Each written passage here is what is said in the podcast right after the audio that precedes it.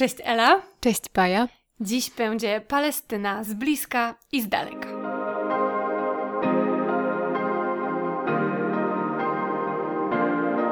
Cześć wszystkim w kolejnym odcinku naszego podcastu. Dzisiaj Teraz, gdy zaczynamy nagrywać ten odcinek, jest tu z nami Serafina, nasza kotka. Zobaczymy, jak będzie się zachowywać. Mamy nadzieję, że dobrze. Chyba bardzo chcę posłuchać o tym, co mamy Wam dzisiaj do powiedzenia. Jak myślisz, Ela? Też mi się tak wydaje, bo miałczała usilnie pod drzwiami. O, teraz o, też miałczy.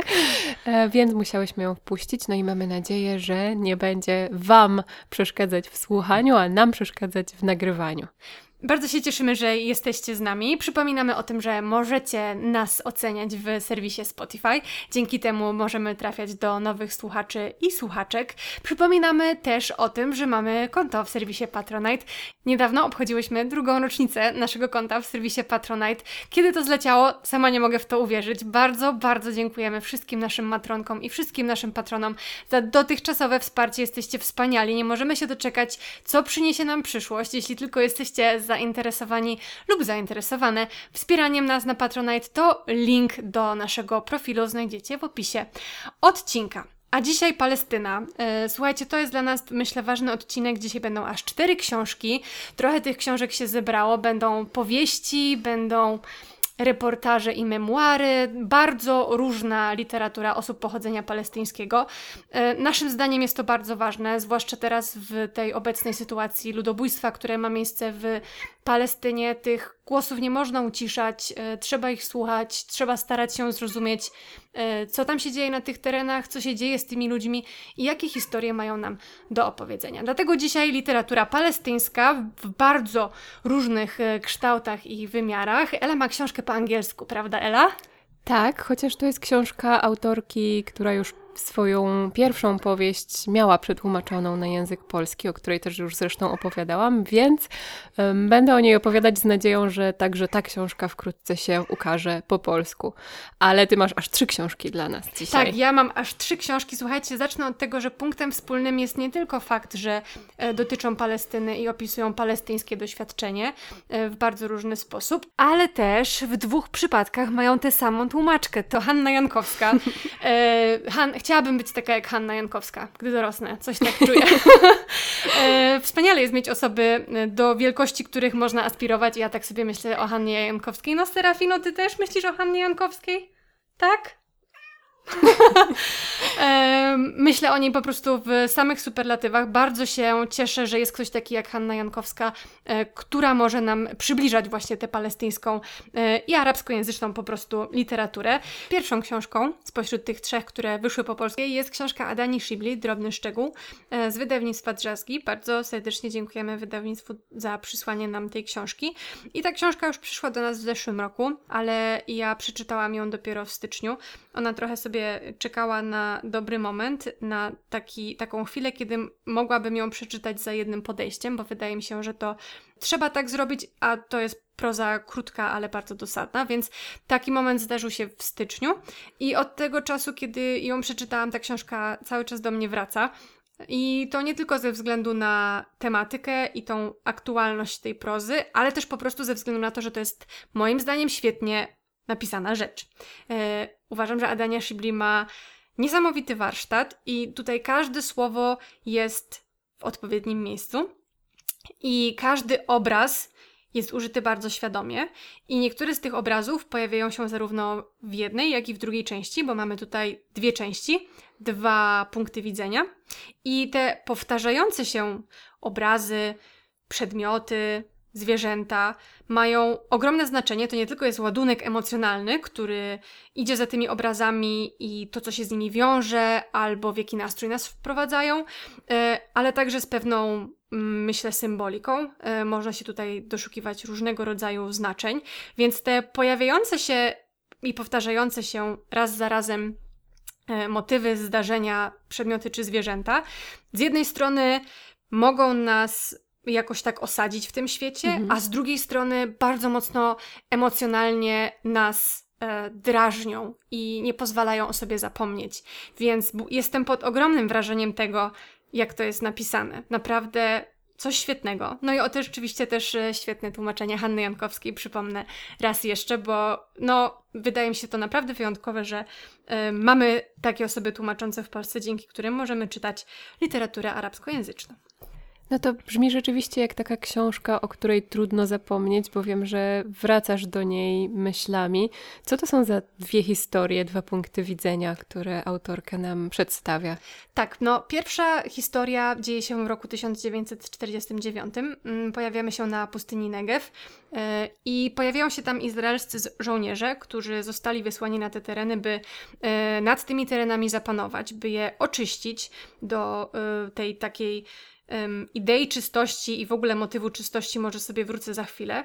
E, no i tutaj mamy tych e, izraelskich żołnierzy, e, którzy w ramach oczyszczania tego terenu pewnego dnia trafiają na grupę Beduinów. Wszystkich mordują, a młodą Beduinkę zabierają ze sobą, gwałcą ją i również ją mordują. Więc to jest ta pierwsza część. I ta pierwsza część okazuje się jest spisana w formie relacji, którą to relację czyta e, bohaterka drugiej części. E, narratorka, dziennikarka z Ramala, która trafia na ten artykuł napisany przez izraelskiego dziennikarza E, I ona dostrzega tam w tej historii drobny szczegół. Tych drobnych szczegółów, e, o których już trochę mówiłam, e, tutaj jest, ale jej zdaniem tym najważniejszym drobnym szczegółem jest fakt, że ona sama, ta narratorka, bezimienna narratorka drugiej części, urodziła się 25 lat po śmierci tej Beduinki. Więc ona chce. Mm, trochę może zrozumieć własne doświadczenie i własne duchy z przeszłości, które trochę, które ją e, prześladują e, i zrozumieć też, opowiedzieć historię e, tej Beduinki na nowo. E, więc to są te dwa punkty widzenia, te dwa światy, które nam się tutaj pojawiają. Mamy e, rok 49 i później czasy bardziej współczesne, więc e, dużo w historii Palestyny i Izraela zdążyło się wydarzyć. Tutaj nie ma zbyt wielu szczegółów na temat tego, co konkretnie się wydarzyło, ale ten ciężar historii bardzo dobrze czuć na barkach tej narratorki z drugiej części. Chciałaś wrócić do tego motywu czystości i to jest coś, co mnie zaintrygowało. Już wspominałaś mi o tym mimochodem gdzieś w rozmowach z dala od mikrofonu, ale chciałabym, żebyś trochę właśnie zgłębiła ten temat. Tak, tak jak mówiłam, tutaj jest dużo e, drobnych szczegółów tych naszych e, tytułowych. Drobny szczegół jest jeden według tej, e, według narratorki, ale tym takim szczegółem, na którym ja bym się chciała skupić, jest właśnie ta czystość, która pojawia nam się w części pierwszej. Tu nawet na okładce jest napisane E, izraelscy żołnierze oczyszczający terytorium z Palestyńczyków. E, I ta czystość jest tutaj z jednej strony bardzo dosłowna, bo ten nasz izraelski żołnierz ma obsesję na punkcie czystości. Trafia na tą pustynię, gdzie jest pełno piasku i ten piasek wdziera się w te namioty, wchodzi w buty, pod koszulę, chrzęści w zębach, jest wszędzie. No i on ma obsesję po prostu na punkcie mycia się te powtarzające się opisy, one często są nawet słowo w słowo takie same. I to może prowadzić do jakiegoś rodzaju znużenia, ale moim zdaniem to zwraca właśnie uwagę na tę bardzo konkretną czynność, którą ten izraelski żołnierz wykonuje. On się myje cały czas. Yy, namydla się, spłukuje, ubiera czystą koszulę, potem jeszcze płucze ręcznik, wykręca go i wiesza. I cały czas niemalże to samo. Więc ta jego obsesja na punkcie czystości własnego ciała i tej walki z tą dosłownie wdzierającą się palestyńską pustynią, yy, to jest taka trochę walka e, walka z wiatrakami, którą on tutaj prowadzi, a mimo to nie poddaje się w tych działaniach, co jeszcze bardziej kontrastuje z tym, co wydarza się zaraz na początku tej opisywanej historii, e, a mianowicie zaraz na początku, kiedy tylko rozbijają tamten obóz, zostaje ugryziony przez węża. Więc do jego ciała dostaje się trucizna, która powoli go wyniszcza. Więc mamy to ciało chore, które on próbuje jakoś doprowadzić do porządku, nad którym bardzo chce sprawować kontrolę, bo jest dowódcą tych izraelskich żołnierzy, więc jeśli ktoś ma być tam w pełni sił umysłowych i mający kontrolę nad wszystkim, to właśnie to musi być on. Więc on toczy tą bardzo nierówną walkę z tym, co się dzieje z jego ciałem i z tym, co dzieje się w ogóle w obozie i z tą mm, z tym rozpadającym się porządkiem, który ma miejsce i z tym brakiem kontroli, który e, powoli dostrzegamy, że ma miejsce w szeregach innych żołnierzy. Więc no, ta czystość i to ciągłe mycie się i ta misja, z którą oni tam przyjechali, by właśnie oczyścić te tereny z mm, ludności rdzennej, no to to było dla mnie bardzo znaczące, zwłaszcza, że motyw mycia się również pojawia się w drugiej części, kiedy poznajemy naszą palestyńską narratorkę. No ale tego już nie będę zdradzać, bo tutaj te mm, porównania, e, te drobne szczegóły pojawiają się w obu tych częściach i można sobie szukać tych punktów wspólnych i trochę śledzić, gdzie one się pojawiają, jak zostają odwrócone, e, jak zmienia się ich znaczenie w zależności od tego, kogo dotyczą, więc to jest coś naprawdę niesamowitego i świetnego literacko. Cieszę się, że zwróciłaś na to uwagę, bo bardzo lubię to patrzenie takie na zarówno coś dosłownego, jak i coś, co może być pewnym filtrem, pewnym symbolem i pewną, pewnym jakimś takim E, znaczeniem trochę też ukrytym i pokazującym nam coś, co się dzieje pod powierzchnią, więc to jest bardzo ciekawy element tej książki.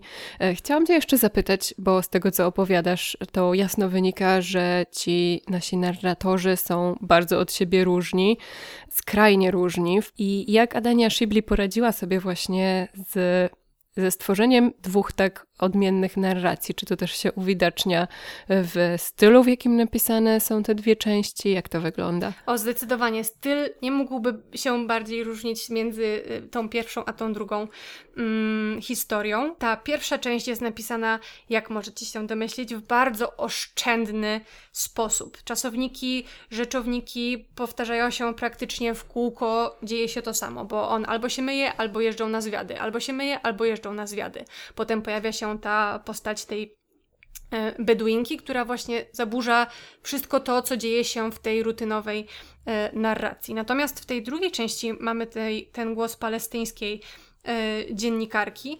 Tutaj te zdania płyną. Mamy wgląd w jej myśli, w zmieniającą się sytuację, w emocje, które się pojawiają, w nieprzewidywalne zdarzenia, jakie mają miejsce, takie jak bombardowania, czy emigrujący e, znajomi, uciekający ze swojego kraju, więc tutaj jest bardzo wiele e, zmian w jej życiu. Ciągle się tutaj coś dzieje.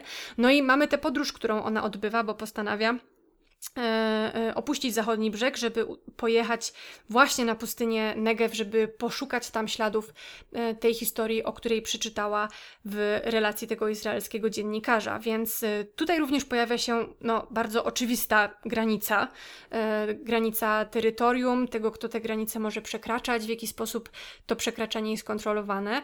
No ale też jest tych granic więcej, bo mamy tą granicę między przeszłością a przyszłością albo raczej teraźniejszością. Mamy tą granicę między żywymi a umarłymi. E, mamy te granice w dostępie do wiedzy i opowiadaniu historii. E, no więc tych granic tutaj jest bardzo dużo e, i to też jest taki drobny szczegół, chociaż nie taki drobny, na który można by sobie zwrócić tutaj uwagę. No i no, to jest też trochę taka opowieść o duchach. Nie oczywiście w takim znaczeniu gotyckim, tylko po prostu o tym ciężarze historii, który czuć znowu wracając do tego Twojego drugiego pytania mm, o sposób narracji, po prostu czuć ten ciężar historii, e, te emocjonalne zmęczenie, e, te, te bezsilność i bezradność na barkach tej naszej drugiej narratorki. I to jest no, niesamowicie po prostu oddane e, w niewielu słowach, bo ta książka, tak jak mówiłam, jest krótka i trzeba by chyba ją po prostu przeczytać na raz.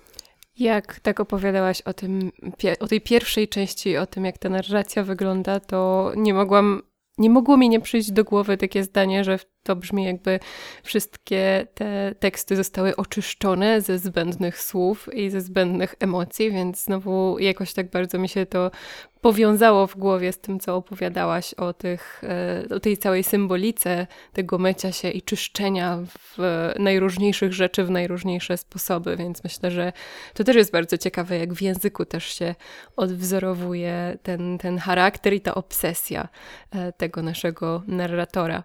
To prawda, no mówiłaś o, o jakimś takim oczyszczeniu z emocji, które oczywiście ma miejsce w przypadku tego e, zimnego, chłodnego pierwszego narratora, no ale emocje z czytelnikami zostają. Tutaj, no, nie wydaje mi się, że można to czytać jakoś spokojnie. Nie wiem, może słychać to po moim głosie, ale to naprawdę jest przejmująca książka. E, więc no, to, to oczyszczanie z emocji, którego dokonuje autorka, jest całkowitą przeciwnością tego, co się dzieje w czytelniku, mm -hmm. a przynajmniej w tej czytelniczce, która z Wami sobie tutaj teraz rozmawia, czyli ze mną. Ja jeszcze chciałam na koniec właśnie Cię zapytać o tę emocjonalną stronę i trochę o takie trigger warnings e, dla osób czytających tę książkę, no bo wspomniałaś, że mamy tutaj opis gwałtu i na przykład dla mnie e, sceny przemocy seksualnej to są jedne z najtrudniejszych do, do czytania w literaturze, więc chciałam Cię zapytać, czy, czy one są bardzo brutalne, bardzo obrazowe, czego powinniśmy i powinnyśmy się spodziewać, sięgając po tę książkę? Znaczy, no ta książka to jest historia ludobójstwa na narodzie palestyńskim w pigułce, więc to po prostu jest trudna książka. E, więc chyba nie ma tutaj. Nie wiem, jak mogłabym ostrzec przed jej lekturą, albo jak mogłabym to inaczej opisać, bo po prostu dzieją się tutaj przykre rzeczy i straszne rzeczy i to, co jest napisane z tyłu, e, czyli gwałt i morderstwa, no to po prostu tutaj jest napisane. Może jakoś tak ze względu właśnie na tą um, charakterystykę tego narratora bardzo tak z dystansu i w sposób bardzo krótki, co nie zmienia faktu, że jest to po prostu e, straszne i okrutne, więc no to jest po prostu trudna lektura, ale moim zdaniem ważna i pięknie napisana. Czyli trzeba być przygotowanym tak, po prostu na. Po prostu trzeba być przygotowanym. Na te emocje. Tak, mhm. trzeba być przygotowanym na emocje. E, ale ja mam tutaj jeszcze dwie inne książki, które chciałam pokrótce wspomnieć. A mianowicie mam tutaj książkę Rażesze Hadecha w tłumaczeniu Anny Sak. Palestyńskie wędrówki, zapiski o znikającym krajobrazie, to z wydawnictwa Charakter.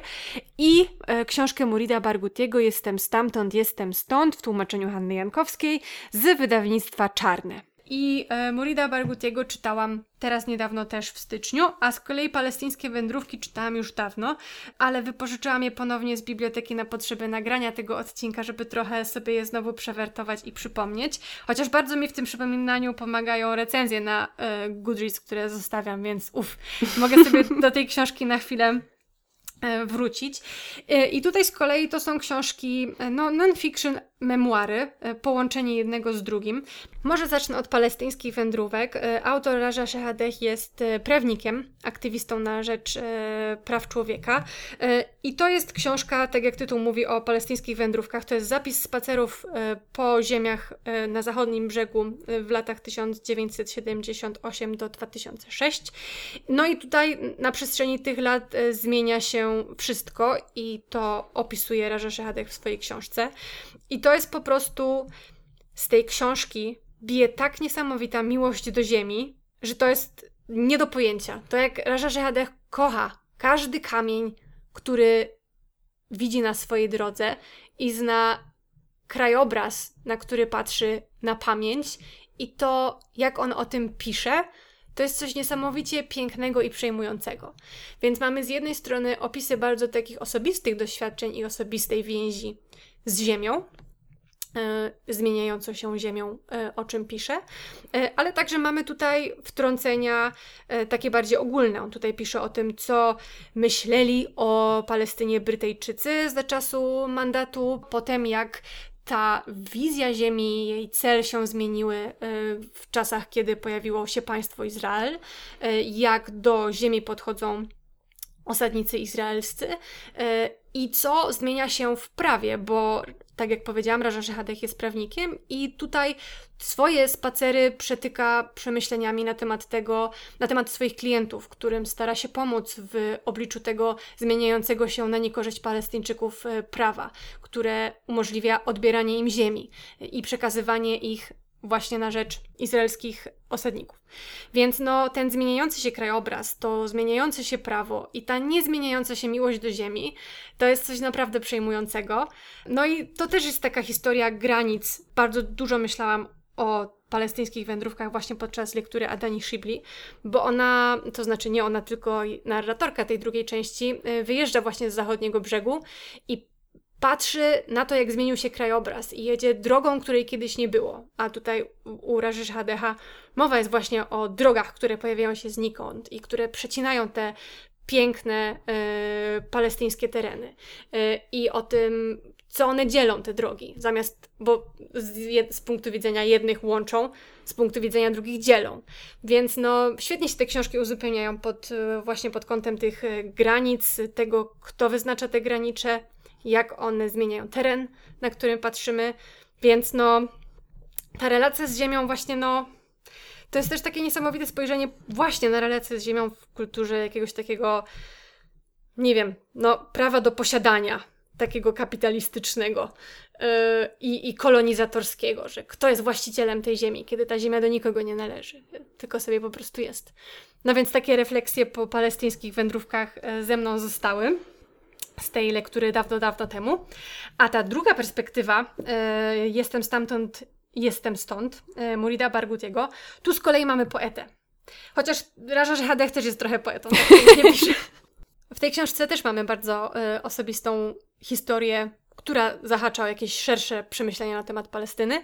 Y, tutaj z kolei autor y, Palestyńczyk wiele lat spędził na wygnaniu, ponad 30, więc to jego spojrzenie jest takim spojrzeniem z dystansu, ale nie z dystansu emocjonalnego, bo tych emocji jest tutaj bardzo wiele, zwłaszcza kiedy może wrócić do Palestyny i zwłaszcza kiedy może do niej wrócić ze swoim synem, który urodził się w Egipcie, e, który nigdy e, w czasach dzieciństwa e, nie był w Palestynie, więc ten dystans jest tylko i wyłącznie fizyczny, który przyprawia Murida Barghutiego o straszne cierpienia. E, więc mamy ten, te jego przemyślenia dotyczące pobytu poza Palestyną i właśnie tego powrotu do tego znowu zmieniającego się kraju, e, zmieniających się warunków, zmieniającego się prawa, zmieniających się ludzi, tych, którzy e, giną albo którzy wyjeżdżają.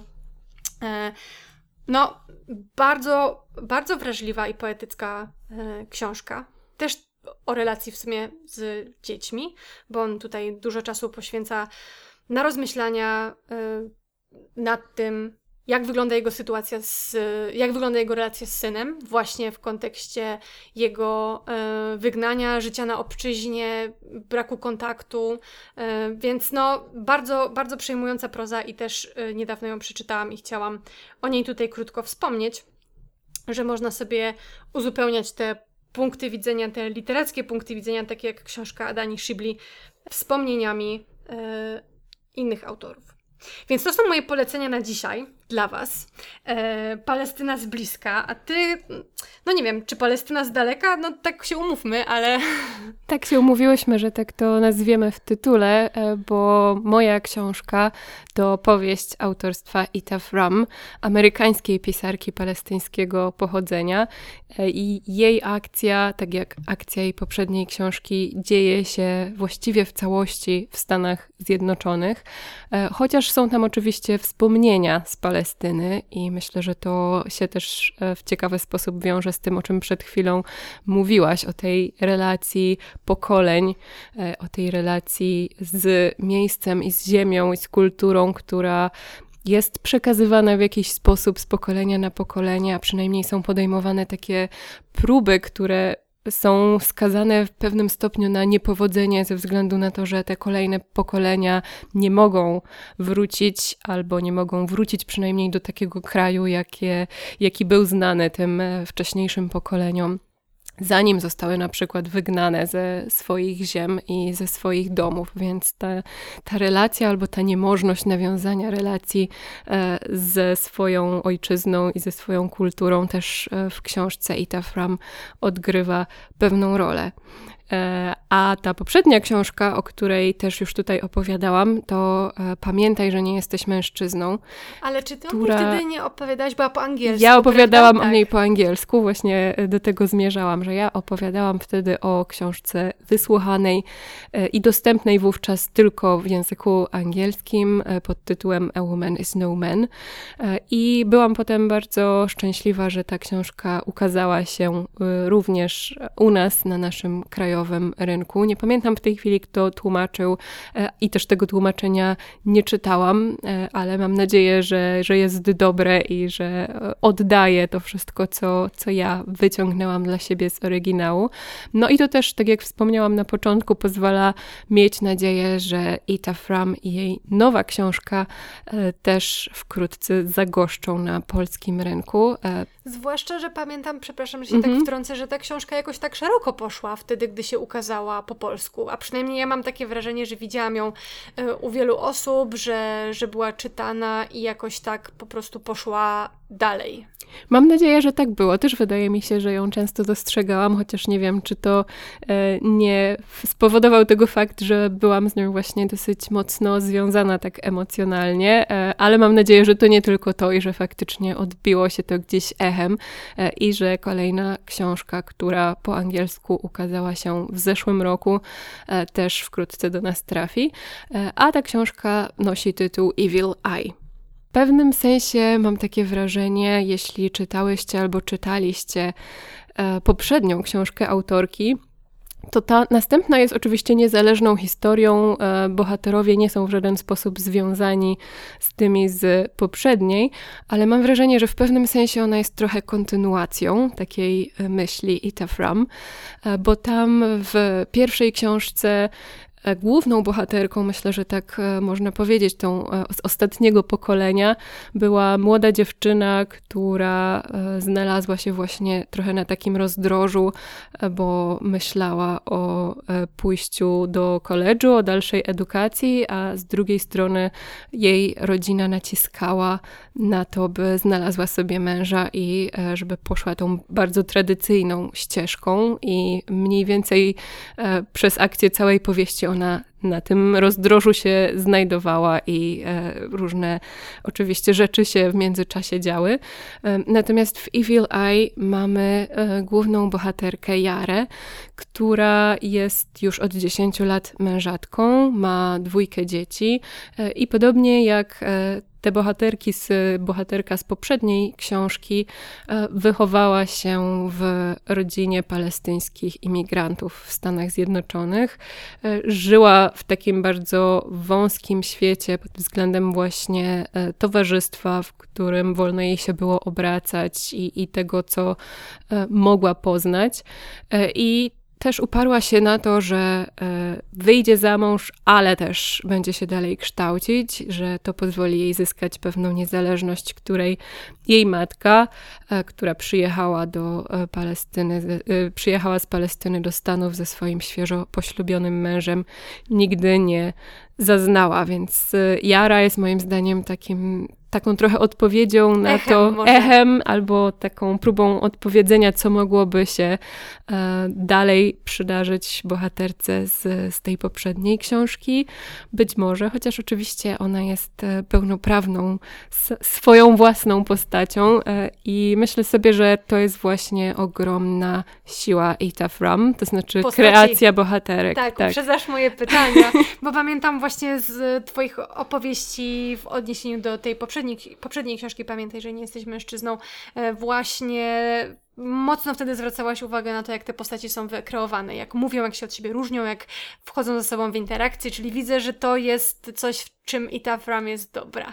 Tak, myślę, że tak, bo jak sobie myślę o na przykład języku, to on jest e, bardzo zwyczajny, bardzo codzienny i myślę, że po prostu Ita Fram nie ma takich ambicji, e, żeby tutaj kreować język, który byłby w jakiś sposób oryginalny czy, czy wyszukany. Ona mówi o tym wszystkim dosyć właśnie taki prosty sposób, prosty w sensie językowym, e, natomiast bardzo mocno zagłębia się w psychologię postaci, w ich emocje, przede wszystkim właśnie głównej bohaterki, no bo całą właściwie tę historię poznajemy tak jakby z jej punktu widzenia, śledząc to, co się, co się dzieje w jej wnętrzu.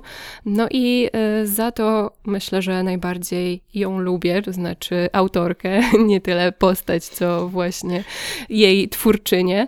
Y, dlatego, że wydaje mi się, że to nie jest takie proste, żeby stworzyć postać, która będzie bardzo wielowarstwowa i o której będzie można powiedzieć jednocześnie, że jest taka a taka z charakteru, że być może ma taką osobowość albo takie cechy wrodzone, ale też e, zachowuje się w pewien sposób w związku z traumą z dzieciństwa, której zaznała i która w jakiś sposób przez wiele lat ją kształtowała, e, że z trzeciej strony jest jeszcze całe to tło kulturowe, w którym się też wychowywała i w tej, w tym swoim środowisku musi też jakoś funkcjonować, jakoś mieścić się w tych formach i w tych ramach, w których ona wcale e, nie chce do końca w nie się wpasować, więc to jest kolejny taki aspekt, który ją kształtuje, który wpływa na jej zachowanie i mam wrażenie, że właśnie wszystkie te elementy tutaj zostały uwzględnione i ja po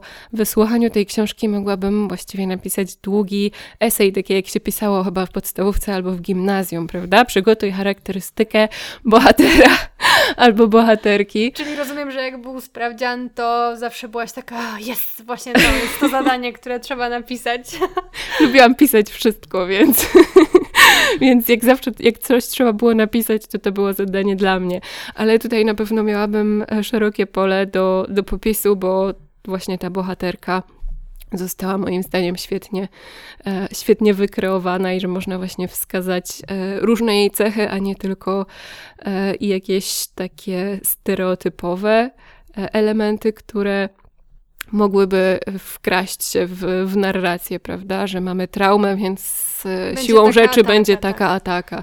Tutaj dochodzą jeszcze właśnie zupełnie inne zmienne, które jakoś tak sprawiają, że myślę sobie, że ta postać jest taka bardzo pełna i bardzo wielowymiarowa. I drugą taką mocną stroną autorki są moim zdaniem rozmowy, więc mamy nie tylko to zagłębienie się w świat jednostki i w, w świat emocji i przemyśleń, ale też moim zdaniem e, Ita Fram jest świetna w dialogi i w tworzenie... A to wcale nie jest takie oczywiste, to nie jest powiem oczywiste, ci. prawda? Naprawdę, żeby stworzyć przekonywujący dialog, który, który byłby tak, tak, no prawdopodobny z obu stron, bo e, tutaj te dialogi, o których myślę, to w dużej mierze są jej rozmowy z mężem, albo jej sprzeczki, albo jej kłótnie z mężem, zależnie od, od momentu. I wydaje mi się, że one są bardzo prawdopodobne i że Ita Fram potrafi bardzo dobrze wczuć się e, w każdą z postaci i po prostu żonglować tymi odpowiedziami, reakcjami w taki sposób, że faktycznie czujemy, że to jest coś, co on mógłby w tym momencie powiedzieć i to jest coś, co ona mogłaby w tym momencie odpowiedzieć i to spowodowało taką bardzo prawdopodobną reakcję, którą ona zinterpretowała znowu w taki sposób, który wydaje się nam oczywisty, więc. E, zwłaszcza, przepraszam, ale zwłaszcza w przypadku kłótni, prawda? Kiedy wszystko dzieje się na gorąco. Bardzo to, szybko. Tak, mhm. tak. I to musi być z jednej strony, no, sprawiać wrażenie, że to naprawdę jest. Yy reakcja taka odruchowa, tak. ta odpowiedź, no. Tak, więc właśnie myślę, że to e, świetnie jej wychodzi. E, no i tutaj jeszcze a propos rozmów, bo w pierwszej e, powieści Ita Fram, o której opowiadałam, taką siłą napędową, zewnętrzną była literatura i to było miejsce, gdzie, gdzie bohaterki szukały swojego języka, szukały jakiegoś innego świata, szukały siebie w pewnym sensie i swojego głosu. Tak w tej powieści taką, takim odpowiednikiem takiego zabiegu, mam wrażenie, jest terapia. E, I to też jest bardzo ciekawe, właśnie ta rozmowa z terapeutą, a później z terapeutką, bo mamy tutaj dwie osoby terapeutyzujące. E, więc ta rozmowa też właśnie zupełnie inna z obcym człowiekiem, jakby nie było, e, który próbuje jakoś dotrzeć do głównej bohaterki, który próbuje ją wypytywać. Ona czasami nie chce odpowiadać na te pytania, nie chce właśnie się odsłonić. No bo tutaj też mhm. znowu ta, mamy męża i żonę mhm. i tej, tą ich dynamikę, która może być równiejsza lub mniej równiejsza, no i znowu teraz terapeuta, który w pewnym sensie nie, że ma kontrolę, ale też nie ma pełnego znaku równości między terapeutą a pacjentem, no nie? Tak, więc myślę, że tutaj też jest wiele innych czynników. Nie będę wchodzić w, w szczegóły, które sprawiają, że ta terapia e, może się wydawać właśnie jakimś problemem, może się wydawać, że, że te dwie osoby nie mają równego statusu i Jara się buntuje przeciwko, e, przeciwko tym rozmowom, a z drugiej strony e, te rozmowy dokądś ją prowadzą, do jakichś wniosków, których e, wcześniej może nawet nie, że nie miała, ale których bała się przyznać przed samą sobą, że, że do nich doszła, więc te rozmowy e, różnego rodzaju są taką siłą napędową, która pcha całą akcję do przodu. No a myślę, że słowo akcja to, to jest zależne od tego, co kto lubi, ale wydaje mi się, że tutaj akcji jest bardzo mało jako takiej, że właśnie to jest taka powieść, która toczy się bardziej we wnętrzu, we wnętrzu Jary i wewnątrz e, małżeństwa, w którym ona się znajduje, pomiędzy bohaterami z jej najbliższego otoczenia e, i obserwujemy po prostu takie powolne zmiany, które zachodzą w niej i to, w jaki sposób one przekładają się na jej życie, więc to bardziej, może nawet nie nazwałabym tego akcją, co jakimś takim procesem i rozwojem sytuacji i rozwojem naszej głównej bohaterki. Ja mam pytanie, takie może trochę nieoczywiste i w strefie domysłów i takie całkowite, całkowicie polegające na Twojej interpretacji. O, już się boję. E, ale powiedziałaś na samym początku właśnie, osadziłaś nam trochę w kontekście twórczości Tafram i powiedziałaś, że w A Woman is No Man mamy tą postać, która jest na rozdrożu. Teraz tutaj w tej książce jest postać, która w na tym rozdrożu w pewnym sensie była i poszła dalej, to echo, e, które sobie tak e, nazwałyśmy tak roboczo. I teraz, gdyby powstała kolejna książka, to idąc tym tropem, że jest jakaś zależność, może nie reakcja łańcuchowa, ale właśnie jakaś taka, e, jakaś, jakieś takie podobieństwo między tymi postaciami, to kim byłaby bohaterka następnej książki? Mam pewne hipotezy, tylko zastanawiam się, ile mogę zdradzić, żeby nie zdradzić naszym słuchaczkom i słuchaczom tego, jak ta książka się kończy i w którą stronę opowieść Jary zmierza. E, więc myślę, że odpowiem tak trochę pokrętnie. Myślę sobie, że tak jak wcześniej nasza bohaterka poprzedniej książki znajdowała się na rozdrożu i poszła jakąś ścieżką, tak mogłoby się wydawać, że Jara już idzie właśnie jedną utartą drogą i że właściwie cel jest jasny, cel jest jasny i pozostaje jej tylko przeć naprzód, ale okazuje się, że właściwie wcale tak nie jest i że zawsze można stanąć na kolejnym rozdrożu i decydować, w którą e, ścieżkę skręcić, więc e, ona też musi to zrobić ostatecznie. I myślę, że to rozdroże to byłby punkt wyjścia dla kolejnej powieści. Mam nadzieję w sumie, że tak będzie. I też jeszcze ciekawą rzeczą, która łączy znowu obie powieści Ram, który to jest taki temat, który pewnie też ją interesuje, to jest e, relacja między matką a córką i to, jak na te relacje wpływa właśnie sytuacja rodzinna, jak wpływa na to jakieś uwarunkowanie kulturowe, ale też jak wpływa na to właśnie to bycie gdzieś z dala, z dala od rodziny, od babki, od e, środowiska, które mogłoby wspierać i, i pokazywać w jakiś sposób swoją drogę, mogłoby chronić, mogłoby być może zapobiec jakimś tragediom, e, więc to jest też bardzo ciekawy i taki przejmujący i smutny element. Ta trudna i pod wieloma względami dysfunkcyjna relacja z matką. I to, że jako czytelnicy i czytelniczki jesteśmy w stanie obserwować z jednej strony, jak bardzo krzywdząca była relacja z matką dla, dla Jary, ale z drugiej strony widzimy też, e, ile krzywd zaznała jej matka. E, I e, no, to jest taka bardzo właśnie smutna obserwacja i smutna konstatacja o tym e, przekazywaniu cierpienia z pokolenia na pokolenie i o tym, że właśnie e, trudno jest zbudować zdrową relację, kiedy otacza nas tyle nieszczęścia i, i tyle traum i tyle przymusu, jak to się dzieje w przypadku tych bohaterek.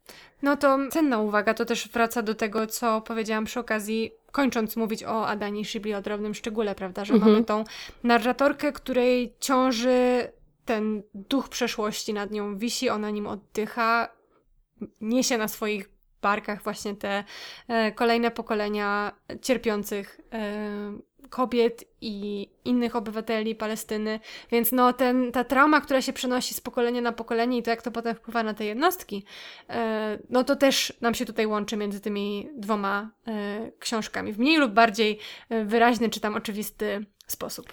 Nawet dosyć wyraźne, bo właśnie na koniec chciałam wrócić do, do tego, o czym już wspomniałam, czyli do obecności tego jeszcze jednego pokolenia wstecz, czyli babki Jarry e, w jej życiu e, i, i o tym, że babka Jarry zawsze mieszkała w obozie od pewnego momentu, od dzieciństwa mieszkała w obozie dla uchodźców w Palestynie.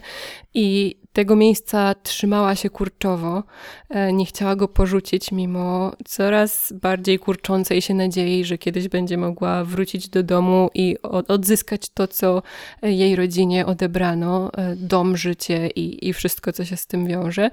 E, więc to jest taki dosyć e, krótki e, i, i, tylko tak marginalnie wspomniany wątek w książce, ale myślę, że bardzo ważny dla ukształtowania się e, zarówno tożsamości matki Jarry, jak i samej Jarry. Te, te, te wizyty u babci w obozie dla uchodźców w Palestynie, gdzie już powstały całe osiedla i, i domy, gdzie ci ludzie e, po prostu żyli z braku innej możliwości i te historie, które babcia jej raz po raz opowiadała o tym właśnie, jak stracili dom, e, jak to się odbywało, jak ich wyrzucono. Jak... Gdzie jest ten dom, bo na pewno nie tu. No właśnie, więc, więc ten głos starszego pokolenia i tej osoby, która tak jak e, twoi autorzy jest bardzo związana z tą ziemią i, i z tym miejscem, on też się pojawia w tej e, opowieści, tak trochę z ofu i, i trochę e, jest właśnie takim e, duchem, który przypomina o całym tym ciężarze,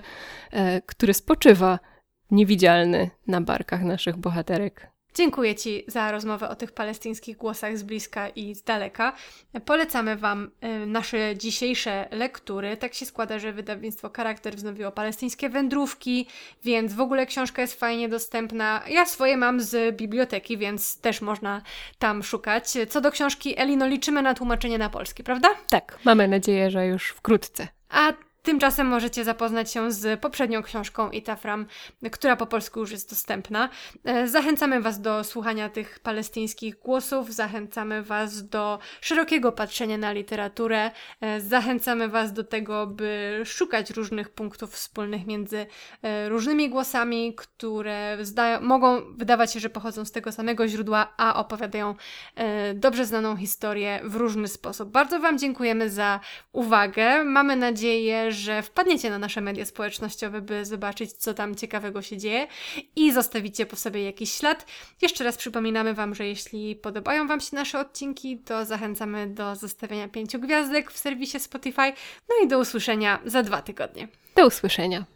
Dla wszystkich zainteresowanych, e, jednak Serafina nie miała cierpliwości do naszego gadania o książkach i w pewnym momencie musiała opuścić studio nagrań. Dziękujemy Serafinie za tę krótką chwilę przed mikrofonem.